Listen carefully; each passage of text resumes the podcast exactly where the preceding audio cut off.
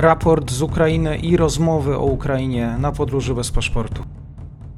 Dzień dobry wszystkim słuchaczom. Nie byłoby tego podcastu rozmów o Ukrainie bez rozmów o Gruzji. Dzisiaj moim gościem jest pani redaktor Agnieszka Filipiak, zainteresowana ekspertka właśnie w Kaukazie Południowym oraz obserwatorka polityki gruzińskiej Forbes Women, również tytuł. Dzień dobry, dziękuję za przyjęcie zaproszenia.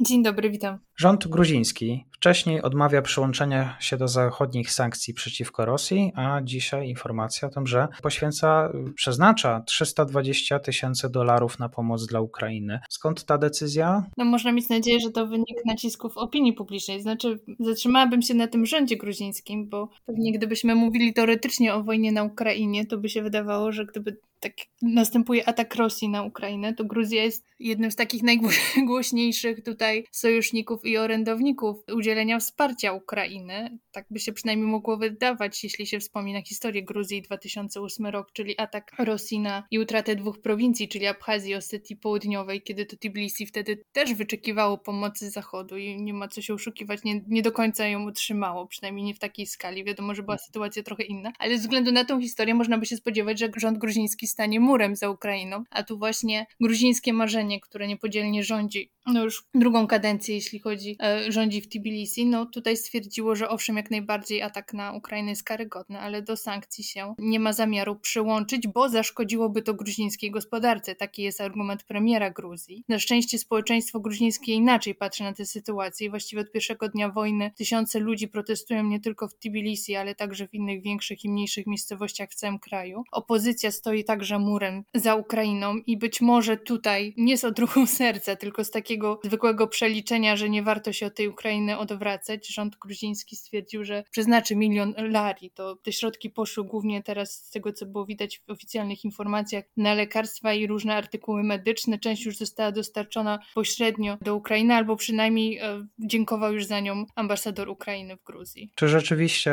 te wytłumaczenia rządu mają rację bytu i jak możemy dzisiaj ocenić też e, taką intensyfikację kontaktów gruzińsko-rosyjskich? No na pewno te relacje, znaczy jeśli chodzi o gospodarkę, są silne, tylko trzeba też troszeczkę spojrzeć na to, że właściwie cała polityka gruzińskiego marzenia przez od chwili, kiedy zdobyła władzę, nie była w żaden sposób ukierunkowana, żeby od tej Rosji i od wpływów rosyjskich się zdystansować.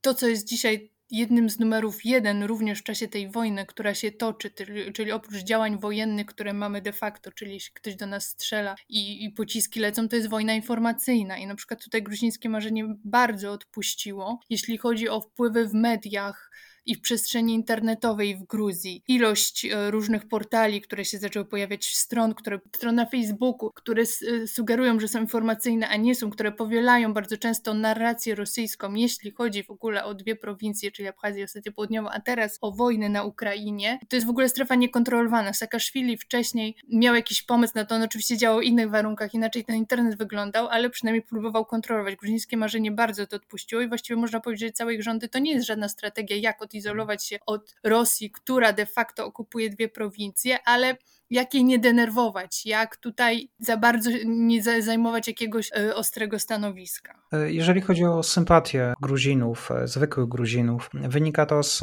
tego, że widzą siebie właśnie w roli Ukrainy, rozumieją ten ból, czy to wynika bardziej z takich naturalnych pobudek, agresja państwa na państwa i taka jedność międzynarodowa? Myślę, że jedno i drugie. To jest to, że, że, że jest jednak takie, taka nić porozumienia mimo wszystko między narodami, które stanowiły stanowiły kiedyś Związek Radziecki, to znaczy, że je wkładam do jednego worka, ale wystarczy też zobaczyć, jaki jest sentyment zawsze Litwy czy Gru do Gruzji i nawzajem i takiego wsparcia. Ale myślę, że, że, że kwestia zwykłego pragnienia narodu do samostanowienia i do niepodległości, no, to, to, to, że jest to akurat Rosja, no na pewno jest tu istotnym czynnikiem. Jeżeli chodzi o samą pozycję dzisiaj gruzińskiego rządu, nawet nie patrząc na, na Ukrainę, czy premier Gruzji cieszy się jakby poparciem obywateli jeszcze wcześniej, przed samym wybuchem, przed tą deklaracją, że nie przyłączy się do sankcji, jak żyje się zwykłym Gruzinom? Bez zmiany źle.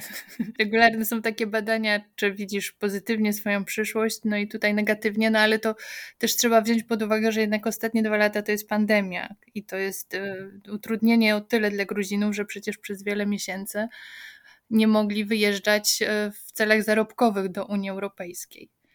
Więc część z nich została, ale duża część wróciła do ojczyzny i te pieniądze po prostu za granicę przestały płynąć. Więc tutaj jest ten kryzys, a równocześnie no nie było silnej takiego poruszenia czy kampanii, żeby rzeczywiście szczepić w Gruzji. Wiadomo, że te szczepienia zaczęły się też późno, bo Gruzja jako kraj stosunkowo biedny wiadomo, że nie była priorytetem, jeśli chodzi o dostęp do szczepionek i też trudno z taką edukacją i przekonaniem dotrzeć do, do każdego zakątka Gruzji, więc no na pewno żyje się trudno. I tutaj dopiero perspektywa roz, rozluźnienia tych obostrzeń i możliwości wyjechania znowu do pracy, także część osób przecież i Gruzinów wyjeżdżała mimo wszystko do Rosji, no dawała jakieś perspektywy, ale generalnie to jest tak jak było ostatnie wybory, no społeczeństwo jest podzielone, jeśli chodzi o poparcie dla opozycji, tak dosyć ta linia przebiega wyraźnie, poparcie dla opozycji, dla gruzińskiego marzenia, ale to nie znaczy, że też wszyscy, wszyscy mają jakieś poglądy polityczne, trzeba pamiętać, że tam regularnie przy badaniach to jest kilkadziesiąt, około 20%, które stwierdza, że, że nie wie na kogo by głosowało w najbliższych wyborach. Pani redaktor,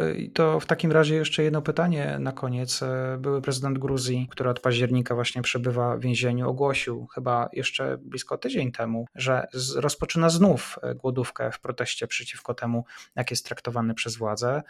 Jak dzisiaj odbierany jest były prezydent? Jego głos praktycznie jest niesłyszalny, co tak osobiście mi trochę go żal, bo jednak jest osobą, która by bardzo dużo mogła powiedzieć na temat w ogóle polityki Rosji i mogłaby śmiało, mówiąc brutalnie, wygarnąć Zachodowi ostatnie dekady działań wobec Putina i te rozmowy i brak konsekwencji, bo mimo wszystko no, 2008 rok to nie jest rok jego, jego sukcesu, ale też jest człowiekiem, który wielokrotnie miał z Putinem do czynienia, przez to, że siedzi w więzieniu. No media nie mają do niego dostępu, ale też my nie słyszymy jego głosu i osobiście wydaje mi się, że jako też polityk bardzo zaangażowany, jeśli chodzi o kwestię Ukrainy i też chyba nie, nie, nie można mu odmówić szczerości w tym jego działaniu wobec Ukrainy.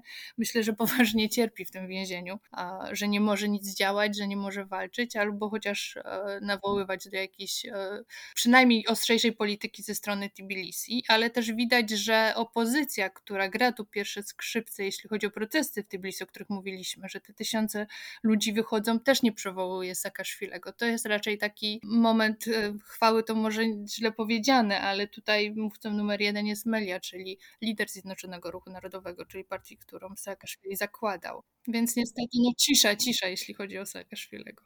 Oczywiście no, tego spyta, to przez prawnika są przekazywane te informacje, ale no nie mamy takie, nie ma takiego głosu wyraźnego. Można sobie tylko wyobrazić, co by było, gdyby był na Ukrainie, jakby występował w zagranicznych mediach, jakby tłumaczył, co by się działo i pewnie gdzieś tam też na barykadach, ale Poroszenko byś się pojawił. Zastanawiam się, czy byłby taki, jakby to można powiedzieć, no jednak e, takim piątym kołem uwozu dla władz e, ukraińskich. No trudno, trudno przewidzieć, e, jakby się zachował. Ja ciągle tak patrzę, mimo wszystko, jak widzimy teraz, jak się zachowuje prezydent Ukrainy i jakie też pochwały zbiera z całego świata, że nie, że się ludzie nie spodziewali, ale że są mile zaskoczeni z jego postawy i z tego przekazu informacyjnego, który płynie, to jest to też, można porównać do tego, jak było w 2008 roku, gdzie jednak Saakaszwili był zżerany przez nerwy i ja tu nie chcę oceniać broń Boże, no ale przekaz był taki, to co Rosjanie bardzo często powielali, że mieliśmy prezydenta, który gryzł e, krawat na wizji.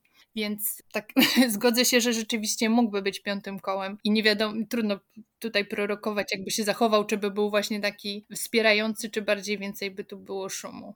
Uciszone Saakaszwili, e, Gruzini całkiem niedawno jeszcze na, na ulicach e, rząd gruziński postanawia jednak wesprzeć w jakiś sposób Ukrainę. Pani redaktor Agnieszka Filipiak, Forbes Woman, również ekspert właśnie do polityki Kaukazu. Serdecznie dziękuję. Dziękuję bardzo.